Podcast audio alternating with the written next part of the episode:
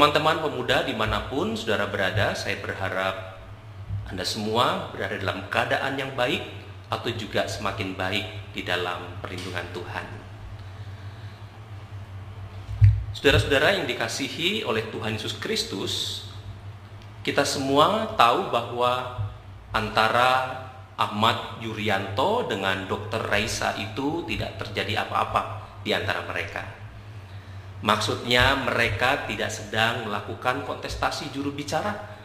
Mereka juga bukan sedang dalam sebuah perlombaan. Tetapi seolah mereka sedang dipertandingkan oleh para penonton, termasuk kita. Siapa yang paling bagus di antara keduanya dalam menyampaikan informasi. Dan tampaknya kita semua tahu skor kemenangan sepertinya untuk Dr. Reisa, bukan?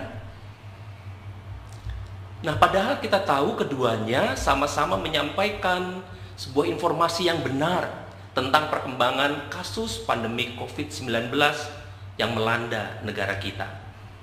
Padahal kita tahu keduanya juga memakai sumber berita yang sama dan sah dari gugus tugas COVID-19. Jadi bisa dibayangkan saudara-saudara bahwa kadang penilaian orang tentang sebuah kebenaran itu bisa sangat-sangat subjektif. Bisa karena apakah dia suka atau tidak suka kepada si pembawa pesan kebenaran itu sendiri. Nah, kita sendiri hendak belajar pada saat ini untuk fokus pada sumber kebenarannya, bukan kepada si pembawa kebenaran. Apalagi ketika kita hendak merenungkan panggilan kita sebagai saksi atau pembawa kabar baik dan kebenaran tentang firman Tuhan, maka ini menjadi penting bagi kita. Mengapa? Pertama sebab kita sadar siapa diri kita. Kita sadar bahwa kita ini hanya orang berdosa. Lalu kemudian kita yang adalah orang-orang yang tidak layak ini tetapi telah dilayakkan oleh Allah di dalam Kristus Yesus. Jadi kita ini bisa seperti Ahmad Yuryanto ataupun seperti Dr. Reisa dengan segala keunikan kita masing-masing. Tapi yang paling penting adalah kita memiliki sumber kebenaran yang sama untuk kita wartakan lewat hidup kita. Dan sumber kebenaran yang sama untuk kita sebagai orang-orang percaya itu adalah kebenaran firman Tuhan yaitu firman Tuhan dalam Alkitab yang kita sering baca ini. Firman ini yang terus-menerus disuarakan dalam hati kita oleh kuasa Roh Kudus. Nah, saudara terkasih, untuk itulah kita menghayati panggilan kita untuk menjadi saksi bagi Kristus. Sama seperti para murid Yesus dulu juga dipanggil oleh Tuhan.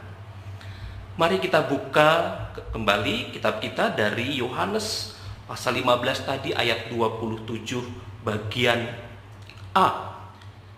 Di situ dikatakan tetapi kamu juga harus bersaksi. Ditekankan di situ tetapi kamu juga harus bersaksi. Nah, saudara terkasih tentu saja yang Yesus maksudkan adalah menjadi saksi kebenaran, bukan saksi palsu. Itu artinya apa yang keluar dari hidup kita adalah berita kebenaran, bukan kebohongan, bukan berita hoax. Itulah yang juga Yesus harapkan dari para muridnya waktu itu. Terlebih mereka telah ada bersama-sama dengan Yesus mereka melihat sendiri bagaimana Yesus melakukan banyak mukjizat dan mereka mendengar sendiri bagaimana Yesus mengajarkan tentang kebenaran firman Tuhan kepada orang banyak. Nah, ayat 27 bagian B yang tadi kita baca, mari kita lanjutkan itu dikatakan karena kamu dari semula bersama-sama dengan aku. Kan karena kamu dari semula bersama-sama dengan aku. Saudara terkasih di situ kita melihat bahwa sejak semula para murid memang bersama-sama dengan Yesus. Artinya bahwa para murid mengenal Yesus dengan sangat dekat oleh karena pengalaman kebersamaan itu. Mereka paling tidak kurang lebih tiga tahun bersama dengan Yesus. Ke mana pun Yesus pergi mengajar, pergi memberitakan firman, mereka ikut. Jadi, jika kita punya teman atau sahabat, bahkan kurang dari tiga tahun pun kita sudah saling mengenal begitu dekat satu dengan yang lainnya. Jadi jika para murid telah mengenal dekat siapa Yesus, maka mereka seharusnya mengatakan yang benar tentang dia. Nah, itulah artinya menjadi saksi bagi Kristus. Nah, coba kita lihat dari ayat sebelumnya, ayat 26 dari bacaan kita tadi. Itu dikatakan jikalau penghibur yang akan kuutus dari Bapa datang, yaitu roh kebenaran yang keluar dari Bapa, ia akan bersaksi tentang aku. Di sini mau ditekankan bagian terakhir, ia akan bersaksi tentang aku. Nah, kita akan melihat bagaimana kuasa Roh Kudus, Roh kebenaran ini bersaksi tentang Sang Anak Allah. Di sini Yesus tidak menyatakan bahwa Roh Kudus, Roh kebenaran saja yang mau bersaksi tentang Anak Allah Yesus mengatakan roh kudus, roh kebenaran itu akan bersaksi tentang aku. Jadi bukan tentang siapa-siapa, tapi tentang sang juru selamat. Saudara terkasih, mengapa roh kudus juga bersaksi tentang Yesus, sang anak Allah itu? Dalam kesatuan Tritunggal, maka roh kudus mengenal begitu dekat siapa sang anak itu dan siapa sang Bapa yang mengutusnya ke dalam dunia. Sehingga Roh Kudus tidak ragu untuk bersaksi tentang sang anak yang telah memberikan nyawanya demi mengerjakan keselamatan dari sang Bapa. Sehingga Roh Kudus tidak akan mengatakan di luar kebenaran itu bahwa Yesuslah juru selamat. Saudara terkasih dalam Tuhan Yesus Kristus, saya pernah kagum akan keberanian teman saya waktu sekolah dasar dulu. Dia adalah ketua kelas kami. Pada suatu hari guru tiba-tiba datang karena mendengar keributan di dalam kelas. Jadi separuh kelas itu bernyanyi sambil memukul-mukul meja sebagai pengiringnya. Saya percaya teman-teman pemuda juga pernah melakukan itu, bukan? Lalu guru kami bertanya siapa yang berbuat keributan dan mukul-mukul meja. Semua diam dan jelas tidak ada yang mau mengaku. Maka si guru akan menghukum semua anak di dalam kelas itu untuk dijemur di lapangan. Tapi kemudian teman saya, sang ketua kelas itu akhirnya berbicara. Dia mengatakan bahwa tidak semua anak melakukan keributan itu. Dan sejak saat itu kemudian sang ketua kelas kami itu dimusuhi oleh teman-teman yang diadukan tadi. Tapi hebatnya, sang ketua kelas kami itu dia tidak mundur. Karena memang dia mengatakan yang benar, seperti apa yang terjadi. Dan tampaknya dia meyakini bahwa tidak seharusnya teman-teman lain yang sedang serius belajar, tapi juga harus mendapatkan hukuman yang sama oleh karena perbuatan beberapa teman yang melakukan keributan di dalam kelas. Dan saya merenung-renung. Sesungguhnya ketika sang guru bertanya siapa yang ribut dan tidak ada yang menjawab, termasuk juga sang ketua kelas pada saat itu juga diam tapi saya pikir tampaknya saat dia berdiam diri itu, dia sedang masuk dalam perenungannya. Dia mencoba mendengarkan suara hatinya, yaitu suara hati yang berkata agar ia membela kepentingan teman-teman lain yang tidak bersalah agar tidak ikut dihukum. Walau ia tahu resikonya pada saat itu. Saudara-saudara terkasih dalam Tuhan Yesus Kristus jadi jelas dalam perspektif iman kita bahwa suara hati juga dapat dipakai oleh Roh Kudus untuk berkarya. Sang Roh kebenaran untuk juga mengusik kenyamanan kita. Sama seperti yang dialami oleh teman kami tadi. Barangkali kita pun juga kerap menghadapi situasi seperti teman saya tadi. Lalu kita bergumul dalam hati kita. Apakah mengikuti suara Tuhan atau lebih baik mengikuti keinginan sendiri, cari aman saja deh. Maka di sini kita hendak merenungkan sebuah pertanyaan. Apakah aku sungguh-sungguh bersama dengan Yesus atau tidak? Artinya apakah aku sudah mengenal Yesus sangat dekat atau tidak? Sehingga aku akan melakukan segala kehendaknya. Saudara dikasihi Tuhan Yesus Kristus, bagaimana kita mencoba menghayati bahwa kita masih terus bersama-sama dengan Yesus? Apakah kita dekat dengan Dia? Tentu jawabnya adalah ketika kita terus mengizinkan Roh Kudus boleh terus berbicara di dalam hati kita. Nah, dengan demikian sebelum kita berbicara dan bersaksi tentang kebenaran firman Tuhan di dalam hidup kita, maka kita harus bersedia juga berdiam diri mendengar suara Tuhan yang berbicara di dalam kehidupan kita. Sebab saat kita mendengarkan roh Tuhan berbicara dalam hati kita, dan dia mengajar kita dengan terus menerus mengingatkan kepada kita tentang kebenaran firman Tuhan, tentang kebenaran kabar baik itu.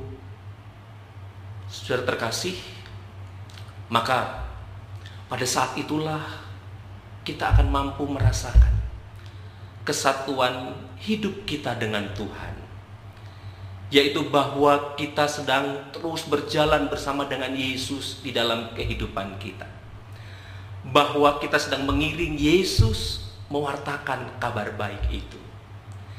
Sebab jika kita tidak mengizinkan roh Tuhan berbicara dalam keheningan hati kita, maka kita justru akan kehilangan arah dan tujuan kita yang sejati dalam rangka menghayati panggilan kita untuk menjadi saksi.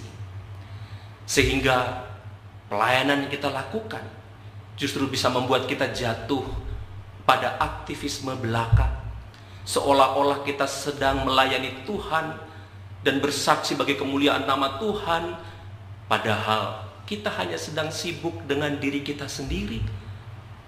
Nah, jika hal itu yang terjadi, maka kita bukan sedang memuliakan Tuhan, tetapi sedang memuliakan diri sendiri. Umat terkasih, jadi jika kita sedang meneriakkan kebenaran yang terus-menerus coba kita perjuangkan atau sebuah keadilan yang terus-menerus kita upayakan untuk ditegakkan di tengah-tengah masyarakat kita misalnya maka biarlah itu semua dipersembahkan bagi kemuliaan nama Tuhan.